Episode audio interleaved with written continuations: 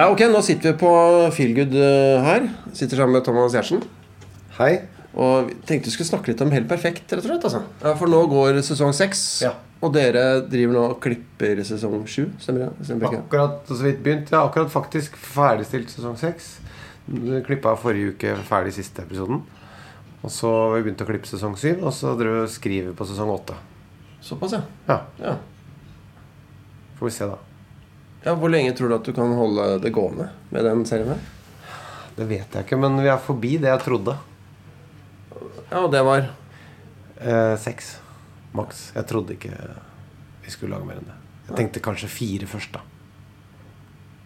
Og nå er vi jo i ferd med å doble det. Det som er eh, Det som er det fine og morsomme, er at det, det, er ikke tomt for ideer. Eh, tvert imot så syns jeg det kommer mer. Det er delvis fordi vi kanskje har endret lite grann på hvor vi sikter, eller hva vi vil, og hva vi liker å jobbe med. Og, på den andre, og, og i tillegg at I tillegg at det, det er mer å ta enn man tror. Ja. Man begynner. Hvordan jobber dere fram ideer? Eh, Det er enten at vi snakker om temaer enten som vi er interessert i eller engasjert i, eller som vi har vært borti eller behandlet tidligere på én måte. Kunne vi eh, sett på det på en ny måte? Det hender at vi lager en episode om igjen som ligner, ikke ligner, men har noen av de samme elementene, men en ny take eller en ny vri eller variant på Blant annet i sesong én så er det en episode med en fyr som dør, og jeg er så opptatt av å få tak i joggeskoene Ja. hans. Og i sesong fire så er det en fyr som er død, hvor han har pelsen til Dag Frøland. Han som dør, en sånn impresario, og jeg er veldig opptatt av å få tak i den. Det er ikke helt ulik problemstilling, men ganske forskjellige episoder, og, øh, og jeg syns det var vel verdt å gjøre den andre sesong fire-episoden, da. Selv om det ligner litt. Så av og til syns jeg nesten det er bare ja, gøy å ta, gjøre en ny versjon av det. For hva var det du egentlig ville lage da du bestemte deg for å lage den serien her? Hvordan ble det til den serien? I utgangspunktet var litt at uh, Først så tenkte jeg uh, Nå har jeg laget mye sånn Da hadde jeg gjort Torsdagsklubben, gjort mye panel, noen medie, samfunnskommentar, eh, humor. Og så eh, tenkte jeg at eh, jeg var litt eh, Jeg følte meg litt sånn lei av det. Og så føltes det som at de tingene som var mer sånn i det private, føltes gøyere å tulle med og nærmere det jeg liksom lo av. Etter hvert, så følte, eller i eller etter hvert der så følte jeg litt at jeg Akkurat som at en del av de vitsene som vi laget i forbindelse med Torsdagsklubben, ble på en måte et stykke unna det jeg lo av privat. Det føltes som det gled litt unna. Jeg vet ikke om du har, har tenkt på at du, du har jobbet mye med å skrive sånne ting. At man av og til så føles det litt som at Ja, jeg kan vurdere det. Jeg kan like vitsen veldig godt, men den føles allikevel som en vits som jeg kanskje ikke ville sagt i et middagsselskap nødvendigvis. Gir det mening? Ja, ja. Så du, du, og du kan bli Det sagt, du kan bli veldig glad i vitsen og kan elske den og synes den er veldig kul, men, men allikevel så er den litt unna. Mens de, mens de tingene Så det var liksom noe gøy med å begynne å tulle med og le av og lage humor av akkurat de tingene som jeg ler av hjemme og med kompiser og sånn. Og så var det da at jeg følte at det var en del i mitt liv, så jeg begynte å jobbe med det. Og så tenkte jeg at øh, det var utgangspunktet for å skrive på det. Og så tenkte jeg men det kan jo bare la det være en fyr som driver et reklamebyrå, eller noe sånt, men som er, har veldig mange av de samme egenskapene som meg, da. Eh, men så eh, viste jeg det til noen venner av meg, så sa de men kan ikke bare si at det er deg, da. Så føltes det litt sånn Jeg var litt usikker, for jeg syntes det virka litt sånn både at det var litt mer risky, for det var sånn, hvis, hvis det blir dårlig, da, så er det så, så dumt, liksom. Og så føltes det litt sånn selvopptatt og Ja. Så jeg var litt usikker. Og så var det noen andre som sa til meg Har du sett eh, danske klovn? Og så hadde jeg hørt om det flere ganger. Så tenkte jeg Jeg hadde tenkt først at det hø- hørtes så døvt ut. En serie som et Klovn på dansk. Det hørtes ikke noe gøy ut. Nei, Jeg er enig i det. Så jeg hadde ikke giddet å se det, men så, så sa jeg men dette er jo akkurat det du driver og lager. Så tenkte jeg da må jeg se på det, da. Og så så jeg det, syntes jeg var helt fantastisk. Syntes det var dritgøy. Uh, og så tenkte jeg jo at det er jo den Da skjønte jeg at det er jo egentlig akkurat det landskapet der vi også holder på i. Og så var det, så var det å utvikle den karakteren. da ta, Gikk til en psykolog, tok en personlighetstest. Tok med fire-fem forfattere og en regissør inn i et uh, rom og bare sa her er personlighetstesten. Og så egentlig bare delte alt mulig rart av pinlige episoder og hendelser fra livet. Og så si at uh, vi kan bruke hva som helst. Det er ting jeg aldri har fortalt til noen, men vi kan bruke alt i serien. Men vi snakker ikke om hva som er sant, og hva som ikke er sant. Det som skjer, som er interessant når man gjør den øvelsen, det er at eh, du begynner å dele, men så begynner jo alle de andre å dele òg. Så ja. alle andre begynner å åpne seg. Og dermed så Fra å på en måte være noe som var meg og mitt, så plutselig så begynner det å vokse opp noe eh, utenfor meg, men som er dette er det som er morsomt å bruke fra meg, og dette er det som er morsomt å bruke fra de andre. Og så setter man sammen, og så blir det noe eget selvstendig som vokser ut av det. Det er på en måte litt sånn prosjektet har blitt, da. Ja. Nei, men Det har jo vært snakket om at det ligner litt på Klovn og Curb og men... Ja, men det er jo samme sjanger. Det er på, ikke sant? Du lager eh, reggae-musikk eller hiphop-musikk, så opererer du i samme eh, sjanger. Ja. Men eh, hvis du ser sånn innholdsmessig så har jo vi våre egne karakterer og historier laget fra en norsk virkelighet på norsk. Eh, og de da på dansk og, amerikansk. Med sine bakgrunner og sine uh, ulike referanser. Sånn at uh, hvis vi skulle lage Det er jo mange ting som Selv om da formen og sjangeren er lik, så er det jo mange ting som skiller dem fra hverandre, alle tre seriene, for så vidt.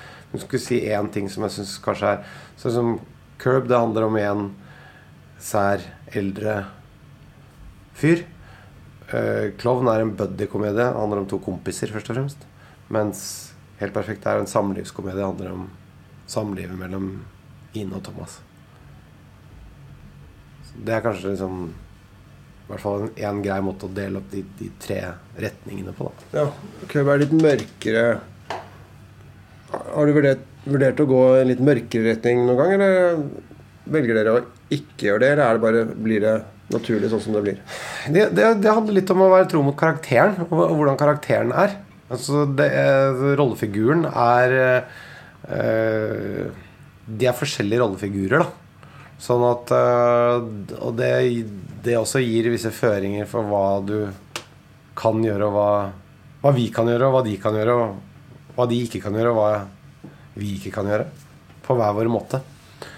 Uh, men jeg syns jo at det samlivssporet Jeg syns jo Ine-karakteren, den rollefiguren som Ine er, er jo veldig annerledes enn de kvinnerollene i de seriene. Da. Eh, som jeg syns har blitt et veldig bra spor hos oss, egentlig. Jeg, jeg syns den Det hun gjør, er eh, er veldig bra. da og, og veldig viktig for serien vår. Og I sesong seks handler det om hennes graviditet. Er ikke det som er story arc, som det heter? Jo. altså Det som er, er at eh, vi har jo hatt noen sånne sesonglinjer. Det som har vært Eh, vi hadde det, den kjærlighetsstedet der det ble slutt, og så ble vi sammen igjen og gifter oss på slutten der. Og nå er det jo da den graviditeten. Det som er sånn utfordrende med det der, er, er at man Eller nummer én, man velger det fordi det gir masse ideer, og det gir en sånn ramme å jobbe i, og gir ideer innenfor den rammen. Så det er det fine med det. Det utfordrende med det er at de tingene, både det å gifte seg eller det å få barn og det er ofte litt sånn store, livsforandrende hendelser. Eh, samtidig som i en sånn serie som dette så er man helt avhengig av at de karakterene ikke forandrer seg. De, de må være akkurat sånn som de er. Eh, akkurat like dumme. Mm, hvis de får liksom en erkjennelse eller en innsikt av sine egne om seg selv, så, så er det på en måte slutt på komedien. Eh, så det kan vi ikke gjøre. Så det har liksom vært det å balansere de tingene der har vært viktig. Så hvordan kan de både få barn og gjennomleve en fødsel Uh, uten at de blir så kyniske at uh, man bare syns man ikke har noe, liksom, noe sympati eller liking for dem. Samtidig som at de ikke må bli sånn at nå opp, slutter de å være selvopptatte, for nå er det noe større der. Som uh, et barn potensielt kan gjøre med, med et menneske. da så det har vært en balanse, balansegang som jeg har forsøkt å Et par ganger hvor vi er liksom helt i grenseland hvor den av liksom Når den At den strikken ikke må ryke, da. Blant annet i sesong fire hvor det, det handler om at, det er at vi har eh, en gang skrevet en kontrakt på en serviett om at eh, vi skal At hvis vi er sammen om ti år, da skal Thomas har lyst til å ha analsex med Ine. Mm. Da skal vi da skal vi gjøre det. Så ender jo med da den slutten som hvor jeg, den dildoen forsvinner oppi rumpa på meg. Og den, det å få den ut igjen da du har kommet på legevakten der, der er Da er det så kjørt. Og det, da er jeg så kjørt og så redd for at livet er ødelagt og på en måte Det er ganske dra dramatisk. Det er jo selvfølgelig veldig tullete og, og på en måte sånn På en måte ganske plumpt, men på en annen side så er det allikevel en sånn Slutten av den episoden oppleves allikevel dramatisk på et vis. da Og det, det derre Og det er laget som, nesten som drama mot slutten der. Og da når liksom er i ferd med å nesten på en måte erkjenne for Ine hvilken tosk jeg har vært alltid. For at hun skal Og at vi liksom skal finne kjærligheten i bånn der. Det er sånn helt på grensen hvor han liksom Nå kan han ikke Nå må vi Nå må ikke den strikken ryke. Ja, ikke sant. Nå må han ikke lære for mye av dette. Men eh, eh, karakteren Thomas blir utsatt for masse pinlige ting. Men er det, hender det at du blir pinlig berørt av, de situasjonene du må spille der og da? Jeg har en sånn følelse Jeg kjenner i magen når det på en måte er pinlig. Ja. Bruker det som en sånn styrestang. Ja, da bruker du det i spillet. Ja, ja. Ja, ja. Men eh, er, kan det være et problem for deg? Du synes nå ble det veldig pinlig her, men Ja, men jeg begynner ofte å fnise. da er Veldig mye sånn bloopers-tagninger, og jeg ler mye. Også jeg ler kanskje litt. Jeg ler enda mer enn de andre. Så er det er det som er flaut. Jeg vil tenke på en episode i en, en, en scene i den episoden vi skal snakke litt om etter hvert. Det er eh, hvor du må faktisk uh, innunder nattkjolen til eh, bestemor til Ine for å fjerne en flått. Ja. Ja, ja, det føltes ikke flaut. det føltes ikke flaut. Nei, det gjorde ikke det. Nei, det var ikke noe Det var bare eh, koselig. Ikke koselig, men det var på en måte så Det var ikke noe Føltes ikke noe sånn Faktisk ikke. Nei, nei. Nei, Men du, la oss snakke snakke litt om denne episoden eh, i sesong, sesong 6. Det er manus 4. Ja. Den heter Sommerhuset. Du Ja. kjenner jo til det. Som ble sendt eh, 28. februar på TV. Mm. Er Skrevet av Kjetil Indergard, Karsten Fullu og Birgitte Wegner. Og regi Hanne Larsen. Mm. Eh, Kan ikke du bare kort fortelle hva historien handler om? Det handler om at Ines eh, bestemor, er det vel, er i ferd med å dø. Og så har hun et sommerhus eh, som eh, Ine er jævla sugen på å arve. Eh, og så drar vi på for å besøke henne, og det er liksom ingen andre av barnebarna som har vært noe opptatt av å følge opp. Men Ine mener at hun Nå har hun ikke gjort det heller, men hun mener at hun er den eneste som er noe, et godt menneske. Men vi kom, når vi kommer dit, så er kusinen til Ine også der. Og da skjønner man at da er det en fight mellom hvem nå, De er på vei ut på sommerhuset. Så da er det en kamp om det huset, da. Hallo! Hei! Hei. Er du her òg? Ja.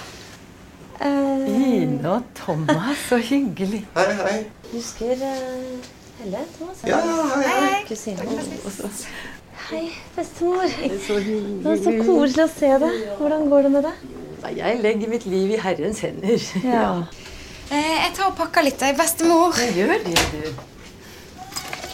Renne, skal vi pakke Ja, den? den er fin. Hvor skal dere? Helle er så søt å ta meg med ut til sommerhuset i dag. Ja. Det er kanskje siste gangen jeg får se det. Skal jeg sette blomstene Du bare setter det der. Som fight mellom de to kusinene, egentlig. Ja, og Det er hovedkonflikten. Ja. Og så er det et par eh, mindre konflikter òg. Eller storylines. Jeg vet ikke hvilket ord bruker du? Kan Ja, storylines. Ja. Ja. Historielinjer. Eh, historielinjer, ja.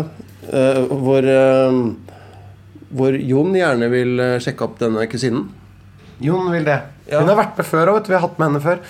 Hun, eh, hun har vært eh, med og etablert som en sånn eh, At hun har Hun har meldt seg på Paradise Hotel en gang. Men hun kom nesten med. Ja. Eh, og så har Jon hørt at hun ligger med alle, så Jon har også lyst til å være med ut på det sommerhuset. For han, han har lyst til å prøve å ligge med henne, han òg. Nettopp. Ja. Ja, for Her står det en parentes i manuset. Ine spør om Thomas husker kusinen for å introdusere og for seerne, seerne, minne seerne på hvem hun var. Ja. Ja, Og så er det at Det er ikke eh, noe viktig, men det er bare sånn litt gøy hvis du har sett Ja. Vi prøver jo på en måte å holde det sånn at hvis en rollefigur har vært med før, så er det greit å enten adressere det, eller at det liksom på en eller annen måte stemmer med sist gang. da ja. Eh, og så er det det at uh, Thomas er redd for uh, strekkmerker. Ine skal få strekkmerker etter graviditeten, som Jon da forteller om at det kan skje. Nettopp, det stemmer. Det også en eh, linje der, ja. Og alle disse tre linjene introduseres da i de tre første scenene. Er det en sånn fast struktur? Ja, i hvert fall hoved, uh, hovedprosjektet må introduseres. Uh, vi har stort sett mellom én og tre scener i starten. Og så bruker jo vi i vår serie bruker jo tittel, og da bruker vi tittelen etter scene tre som en sånn også som et sånt pedagogisk element. Da, I forhold til bare å si Da skjønner du på en måte hva episoden handler om. Sånn at eh, når du har smelt opp mm, Når du har spilt de tre scenene, og det står helt perfekt 'Sommerhuset', så skjønner du jo veldig godt hva det dreier seg om i denne episoden. Ja, sånn, ja. Mm. Det handler om at nå får, Denne episoden er ikke slutt før vi vet hvem som får det huset. ja. Ja. Hva, hva, hva var det som var viktig for å få fortelle historien i det, dette manuset, hvis du husker det? Var det, var det noen scener som var viktig at man fikk til på en bestemt måte for at historien skulle komme tydelig fram? Eller Så det, det, så jeg kan si en ting som var et problem med dette manuset. Eh, som var en utfordring, og som vi måtte jobbe med i klippen. Det var at eh, det er Ine som vil ha det huset. Og i manuset Nå er jo manuset er jo, Bare så det er sagt Det er jo ikke replikker. Det er jo bare historielinje som står beskrevet. Ja, det, det står jo scener, bolker med tekst, som beskriver hver scene. 17 scener totalt, Ja. og ingen replikker. Eller forslag til noen innimellom. Helt riktig. Mm, Ja. Ja. Og, og, og det som er, er at sånn som det fremgår av det manuset, eller i hvert fall sånn som det er mulig å lese, så, så er det Så er det ikke så tydelig hva Thomas vil i denne episoden. Han er selvfølgelig redd for at Ine skal få strekkmerker, ja, men det er ikke en stor nok Det er ikke liksom en sånn stor nok eh, Sånn som det er lagt opp her, så er ikke det en stor nok eh, linje. Det er, det er ikke hovedlinjen heller. Nei. Da hadde det stått 'strekkmerkene' eller noe sånt noe på, ja. eh, som tittel. For egentlig skal vel Thomas alltid ha hovedlinjen. Ja, eller det er i hvert fall han vi følger, da. Så han må i hvert fall ha en eller annen sånn Han må ha noe vilje knyttet til det. Og, og det var det ikke her. Så det var Jeg syns jo at det sånn I utgangspunktet så bør det være det. Og det er det ikke her. Så det vi jobbet med i klippen og la på litt replikker etterpå og dubbet opp og liksom fikk styrket, det var at Thomas også ville ha det huset. Så han på en måte er dytter og hjelper på Ines prosjekt. Uh, det, det var for å gjøre at du liksom følger med på den som er hovedkarakteren, som er den du følger alltid i, i denne serien.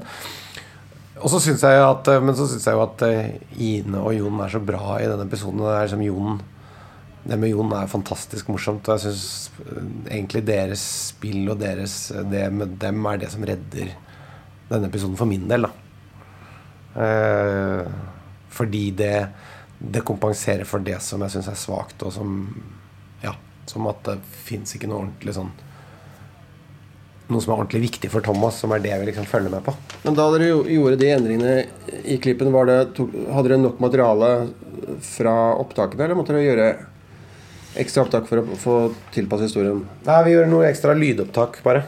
Ofte gjør vi bare det. Det er det, letteste første tiltaket. er det Oppå bildene? At du legger noe voice ja, oppå Bare mens jeg har ryggen til, så kan vi legge på en replikk, f.eks. eksempel At jeg sier noe. Hvilke, Husker du noe sted hvor det skjedde?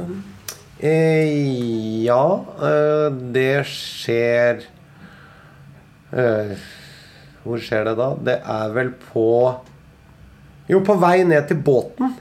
Når de er på teaterkafeen, og så sier Ine faen hun skal prøve å få det huset. Vi drar på hytta. Vi skal ha det huset. Så er det så er det en liten etablering av den strekkmerkegreia utenfor teaterkafeen der, hvor Jon viser Thomas bilde. Og jeg ser at uh, sånne strekkmerker kan hun få. Og så er det å haste ned til fergen for å rekke den båten som de tar. Og da på løpet der så la vi på f.eks. at jeg også sier at det huset skal jo vi ha, det er vår hytte, og vi, det er vi som fortjener den. og sånn, Så hvis du bare la på noen sånne der. Ja. ja. Fy faen. Heldigvis vil de seg hytta. Heldigvis faen meg smisker til seg det sommerhuset. Helle, liksom, som ligger med alle. Ja, men altså, Fy faen, vi skal rekke den der ferga. Vi skal være med på det sommerhuset. Den hytta er vår. Fort deg, Thomas. Kjapp deg, kjapp deg. kjapp deg. Fort deg, vi rekker det. Den skal vi ha, ja. Jeg blir med. Hun ligger med alle. Det skal jeg være med på, for å si det sånn. Det er jo vi som skal ha den hytta. Hei! Hei! Hei! Vi bare heiv oss rundt, vi. For dette hadde vi lyst til å være med på. Så vi skal bli med ut. vi blir med ut, vi. I tillegg så jobbet vi også med å eh, styrke opp den Det at Det som blir slutten For slutten blir jo at jeg må innunder nattkjolen og ta den flotten på henne for at vi skal få den hytta. Det er liksom det eneste som står igjen for at vi skal få den hytta, er at jeg ikke gjør meg vanskelig Ja.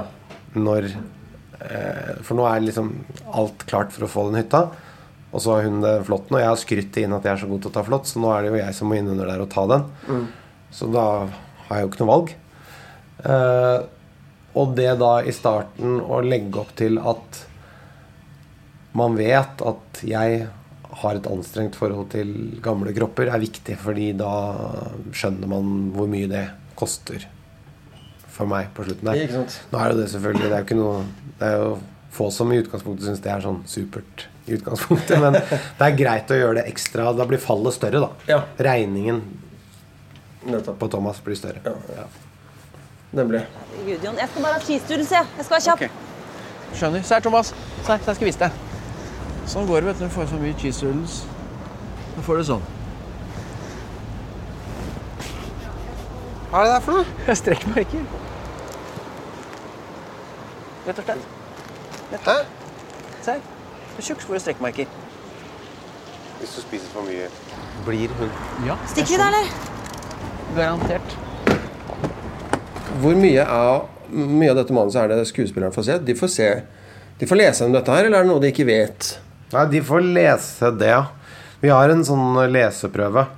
Men jeg pleier å lese det Jeg pleier å lese det sammen med regissøren, kanskje sammen med Ine. Kanskje sammen med Jon. Eh, først en gang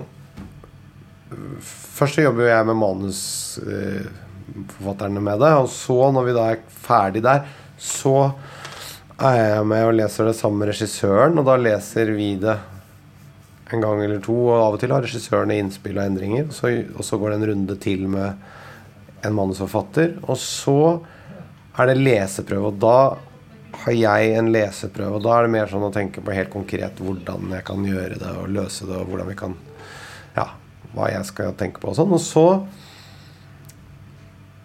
eh, er det leseprøve med meg alene, og så er det leseprøve med de andre. Og da hender det enten at de leser med Ine og, og eller Jon alene, eller jeg er med. Og så leser de med biroller og sånn. Da pleier ikke jeg å være med. Jeg liker å ikke kjenne de Når vi skal spille de andre, de nye som er med, hvis det er noen gjesteskuespillere og gjesteroller, og sånn, så syns jeg det er best å ikke ha snakket så mye med dem på forhånd. Og jeg ikke har så mye øh, Fordi det blir ofte ganske hyggelig, da. Og det er ikke noe vits, egentlig. Nei, for det skal jo være et spontant møte. Så det Ja, det er det ene, men også at, eh, også at eh, det er bra hvis ikke vi har en sånn veldig hyggelig tone. Ja, fordi du skal spille litt vanskelige sit- situasjoner. De ikke skal jo ofte være i, i konflikt med meg, da. Ja, ja, ja. Så da er det greit å bare ja. At ikke det er noe hygge som ligger i Bli med inn i potten inn Nemlig. Når vi skal opp sånn, her. Jeg har s- jeg har faktisk prøvespilt for et par sånne bitte små roller i serien. Og de er tre-fire ganger, tror jeg. Alle, det? Ja, vel to-tre. Jeg husker ikke. Men alle de gangene da Så har det stort sett vært at jeg har stått nærmest i ro og tatt imot kjeft fra Thomas sin karakter. Ja, men når de prøvespiller, så prøvespiller de De som prøvespiller De har jeg sett Noen av de prøvefilmene har jeg sett av og til, og da har jeg lagt merke til at de er mye mer utagerende på vegne av min karakter enn det den er i serien. Aha. De som spiller din eh, Ja, sånn, ja. Ja, de som er motspilleren din. Hvis Ja, du ja. kommer, så er det en som så, så spiller jo du mot en som spiller meg, på en måte. Ja, Eller min rolle, ikke sant? Ja. Det, det er det du gjør. Ja. Og, og da har jeg lagt merke til noen ganger jeg har sett at de gasser på veldig mye mer enn det jeg gjør, da. Det jo, kan være nyttig, det, fordi det får ut noe av den det er jo ikke, Man skal ikke lage en kopi av den scenen. Man skal finne ut av noe dynamikk og finne ut av de som Det er jo deg man skal finne ut noe om. Men det kan være et verktøy på en eller annen måte for å få til det. da Ja, ja. Så det er ikke noe rett eller gærent. Jeg har bare notert meg at det, det er litt annerledes enn det ja, ja, ja. blir. Men det står noen forslag til replikker. eh, Blant annet her så er det en eh, Hvilke roller er det du har Ja. prøvespilt til? da? Hvilke roller er det? Det var, ja, det var en ganske stor rolle òg. Ja. Det var eh, Vidar fra Drammen, som også var en karakter i det første standup-showet ditt. Helt riktig. Ja. Ja, han der eh, arrangøren, ja. Ja, Arrangøren som røyka Ja, ja, ja. Du prøvespilte han, ja. Ja, men jeg er ikke skuespiller, så jeg, kunne, altså jeg skulle prøve å late som jeg hadde røyka. Det gikk nok ikke så bra, tror jeg. Nei, jeg har aldri sett han, så det vet jeg ikke. Men han som gjorde det, var jo jævlig bra. Ja, det var kjempebra. Ja, det var han Det var virkelig. typecast, det, altså. Ja, det var helt øh, Jeg trodde nesten Jeg husker jeg så den prøvefilmen min. Den hadde jeg med han. Da fikk jeg faktisk lasta over på telefonen min. For jeg var helt sånn Hæ? Det var, det var, det var øh, Jeg tror ikke du finner noen som er ansatt ved noen av teatrene her i byen, som er i nærheten av å få til å spille sånn som han gjorde ved de greiene der. Det var helt øh, jeg var helt vilt bra på akkurat det. Så det, det, var, det var sånn øh, ja, og det så jeg på den prøvefilmingen han gjorde også. Så tenkte jeg bare Er den helt ute, eller hva er Jeg var helt usikker på Vi måtte ta den inn en gang til for å sjekke om det var Ja. for real, eller hva det var for noe, liksom. det var bare at han var jævla god til det. Var veldig god til å spille det. Ja, fikk det. Ja, så bra. Nei, jo eh, Veldig det, troverdig, liksom. Ja, men det, det, det skal godt gjøres. Det er Ja, det er, vanskelig. dritt, det er helt jævlig. Helt jævlig. Jeg hadde grua meg veldig til de opptakene. Vi har jo noen scener i denne episoden der, der, vi, der vi røyker. Ja, Jon og jeg og han. ja, Jeg hadde grua meg veldig til de opptakene, for det er jo fort at det blir kleint. liksom ja, ja. Ehm, dere har en middag på hytta. Ja. Og der står det forslag til replikker for eh, Jon. Hvor det står Jon sier han hadde håpet å bli bitt av flått mens han var her ute. Nå som Lars Monsen er frisk, er jo borreliose ledig som kjendissykdom. Hele ler syns Jon er veldig morsom. Det syns jeg er en morsom vits. Eh, på på TV-en På TV så er, er det noe impro der som er også veldig gøy. Så der, har, der står han fritt til å improvisere. Ja, ja. Flåtten kan gjerne bli til meg. Jeg liker å bli bitt av flått, for å si det sånn. Å, jeg, jeg, jeg, meg! Hei, bitt av! Jeg må ha hjelp av deg! Vær så snill! Jeg kommer til å dø her i sengen. Jeg er bitt! Ja. Hvor, hvor fritt står man til å improvisere? Det står man helt fritt til. Eh, Det må være selvfølgelig noen nøkkelreplikker. Og hvis det kunne seg til vendepunkter eller planting av informasjon, så må det med. Og da, da er det litt strengt. Men sånn som det der er jo bare en vits. Den vitsen er ikke med på Nei, Er den med? nei. Nei. Eh, det tror jeg handler om at Jon Da han leste manuset, så tror jeg han opplever den som en litt sånn skrevet vits. Ja. Som en litt sånn tekstforfattervits. Litt sånn som vi snakket om i begynnelsen her, med de med av og til sånn panelshow-vitser og sånn. Den hadde jo passa veldig bra i et sånt Du kunne jo lett sagt den i et panelshow. ja. Mens den føles ikke helt sånn som man tuller privat. Eh, Nei, det er litt for fiks å komme på i farten. Litt for fiks, i hvert fall føler Jon det, for hans eh, type. Og det skjønner jeg litt. Jeg syns den også er gøy, og, og selvfølgelig gjør du den riktig, og du, den, den sitter sånn spontant og organisk, så, så ja. Men, eh, men jeg skjønner at den er, den er litt sånn Oi, den der er litt eh, kneik å få på plass. Mm. Da vil han heller da, Og han skyr sånne ting veldig. Ja. Da vil han heller bare holde på eh. Ja, og holde på litt, og så kommer det alltid noe som egentlig er noe du aldri kunne skrevet. Virkelig. Så hvis du er ser på de tingene han sier stort sett egentlig gjennom den serien sånn ganske gjennomgående Jeg tror de replikkene som han har, jeg kunne aldri skrevet det. Det er bare å sitte og skrive. Husk på det. Når du, når du skriver, så sitter man jo ofte. Kroppen er i en helt annen modus enn den er hos den som skal levere den replikken. Ofte en person hvis du er går eller hopper og spretter eller gjør noe. Så du sier andre ting da enn hvis du sitter ned. Så det å sitte og tenke ut litt sånn forknytt foran et tastatur, det er noe helt annet enn å være oppå gulvet og leve det, på en måte. Ja. Det får, Ja, det helt det, det får mye å si, og det, det tror jeg er det som gjør at eh, Da Det er en av fordelene med å ikke ha skrevne replikker. Da, så lenge du jobber med folk som liker å forholde seg til det, og heller bare være til stede i situasjonen, og som er morsomme Jon er jo dritmorsom. Da får du noe som du aldri kunne fått hvis du hadde skrevet det. Det blir en annen eh, flavor på det. Ja. Men hvor involvert er du i skriveprosessen, da? Jeg er eh, involvert i den. Vi er på en måte et eh, skriverom, da. Som er en manusgruppe som jeg eh, er med i. Og da eh, Der er det både å komme med ideer og dele enten da noe som har skjedd, en hendelse eller, eller en tanke eller en idé. Eh, og så diskuterer vi gjerne litt hvordan og hva det kunne vært, hvordan det kunne vært løst. og sånn, på skisseplan. Og så er det jo at en av de andre manusforfatterne går hjem og skriver ut en versjon basert på det. Og så leser vi den, og så diskuterer vi den igjen i plenum, og så gir vi tilbakemeldinger, og så eh, er det en ny eh, så er det en rewrite, og så en ny runde med lesing og tilbakemeldinger. Og så Ja. Til slutt så har vi noe. Og gjerne, ideelt sett, så liker jeg at de, vi sirkulerer på de manusene. Ideelt sett så bør Når du har skrevet én eller to versjoner av et manus, så syns jeg at en annen skal skrive neste Ja. versjon.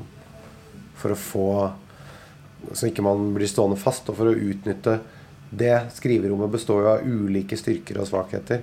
Og det er jo summen som er eh, det magiske. Ja, ja.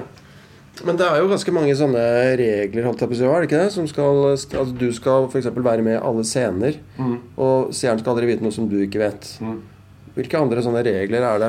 Ja, Det er jo det viktigste. Det, det handler om fortellerperspektiv. Vi forteller denne historien. Du, du opplever historien sammen med meg. Eller sammen med Thomas. Så du, du er liksom Det er perspektivet. Så det betyr at eh, Ja, som du sa. Eh, hvis, hvis det skjer noe mellom de andre, de planlegger et eller annet som jeg ikke vet om, det, eh, da kan jo ikke seeren heller vite om det. Med andre ord, du, da filmer du ikke den scenen. Da er det noe som vi skjønner etterpå at har skjedd. Og så får man vite det sammen. Når jeg opplever det, så får seeren vite det. Ja. Eh, hva andre regler? Det er vel da som mer sånn antall scener. Eh, det er en epilog eh, nesten alltid. Eh, da, og det handler om da den hvor mange scener før forteksten, eller den episodetittelen. Episodetittelen må eh, forklare hva det handler om. Eh, og så er det ofte sånn at Dette er ikke alltid, men jeg syns det ofte funker best at hvis Thomas på en måte taper Taper jo stort sett, da, men noen ganger så er det en Denne sånn episoden taper jo alle.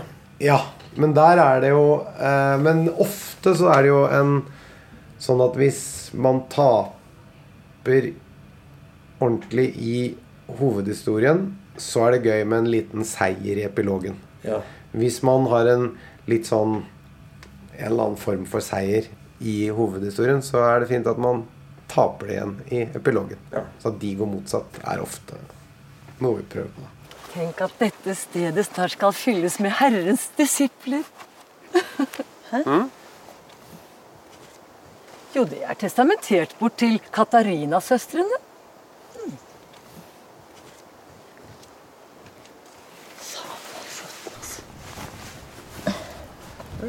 Se der, ja. Hæ? Støttestrømper. Åreknuter, vet. Gravid. Jon, Ja. kanskje skal tenke litt mindre på min kropp og konsentrere deg litt mer om den lille tissen din.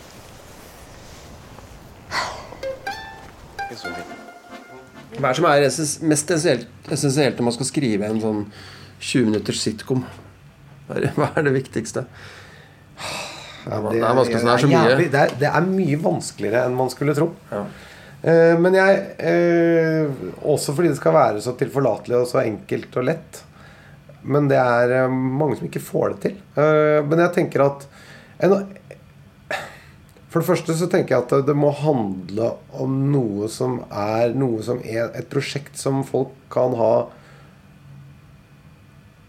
Som folk kan leve seg inn i og ha empati med. At du kan liksom Ja, ja dette skjønner jeg at du går i gang med. Og det har jeg lyst til å se hvordan du løser.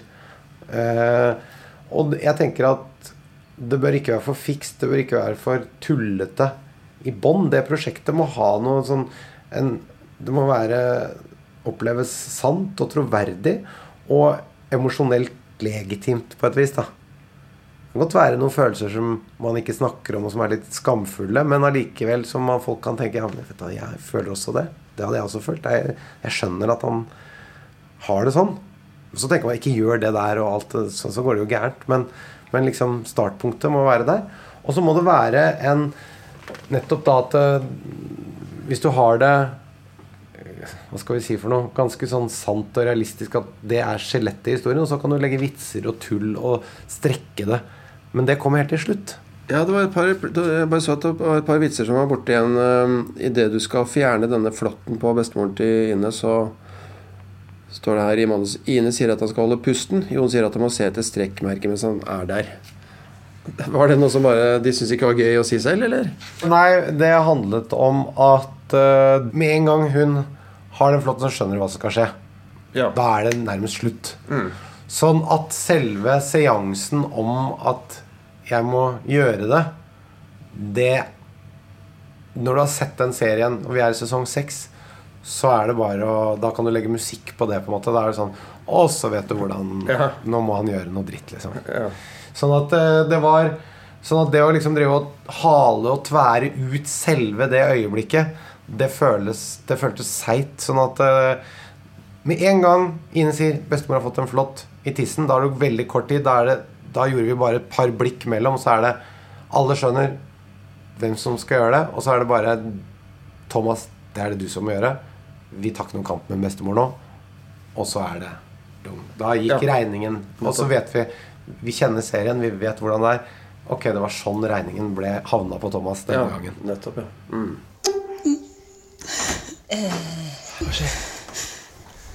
Når bestemor har fått en flått Ok, hvor da?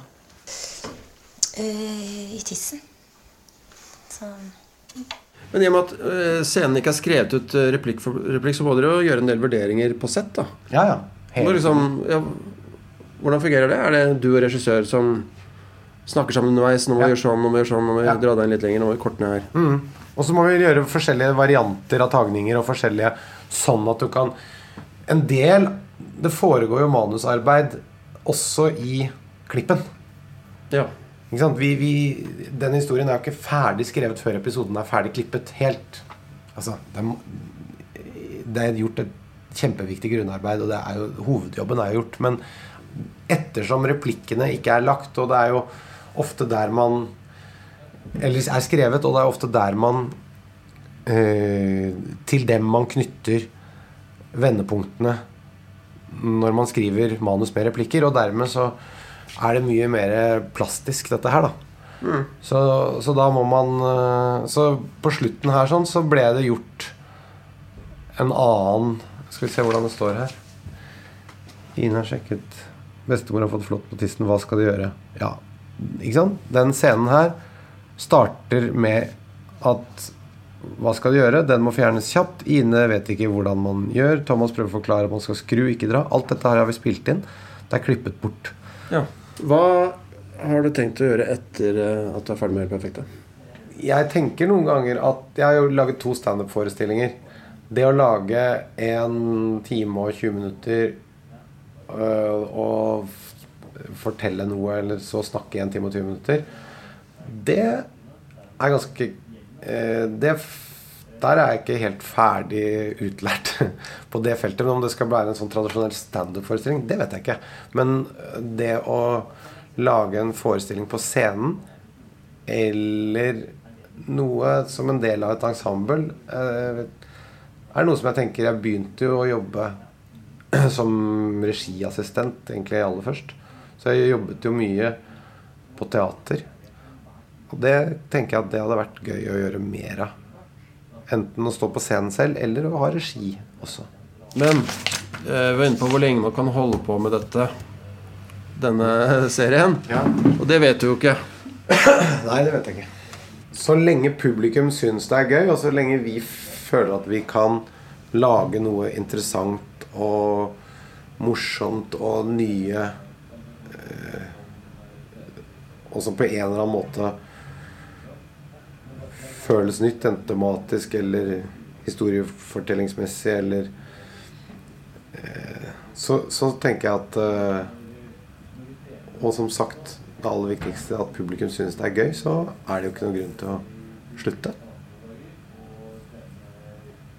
Jeg tenker at eh, jeg slutta Det første standup-showet jeg gjorde Thomas Giertsen tar pirattaxi, Ja. men er likevel levende. Helt riktig. Da hadde jeg tenkt på forhånd at vi kunne selge 2500 billetter. Eh, Og kanskje 5000 hvis vi var kjempeheldige. Og så ble det uendelig mye mer enn det, fordi at ting plutselig ja, tok av. Altså så Ja. Du var på TV samtidig, og showet fikk gode kritikker. Ble Ja. godt mottatt. Ja, og så skjedde det, ja. Det var summen av mange ting. Både av at vi jobbet mye og hardt, og at vi hadde litt flaks. Og, ja, sånn som ofte er, da. Og da øh, hadde jeg en sånn idé om å slutte.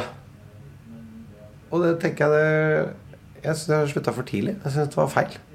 Fordi det var en For meg var det å få det showet opp og stå det, Jeg benyttet det som en både så kunne jeg spille noe som funket, og som publikum likte, og som det var gøy.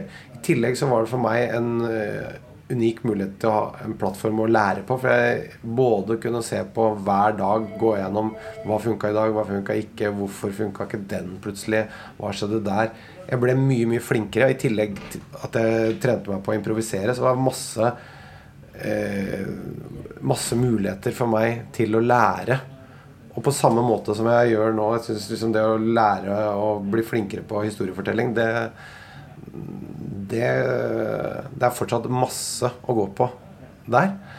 Eh, sånn at det å liksom slutte bare for å slutte, det syns jeg er litt tullete. Og det syns mange komikere har litt sånn Ja, nå skal jeg gjøre noe eget, og nå skal jeg gjøre noe nytt, og nå skal jeg gjøre noe Jeg syns vi både skylder oss selv og publikum å, å prøve å bli ordentlig flinke.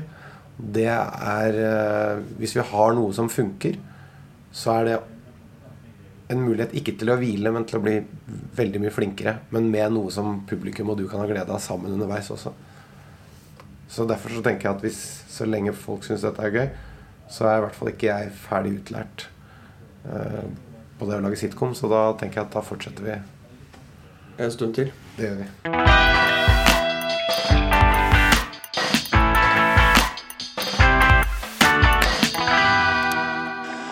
Produsert av Oro.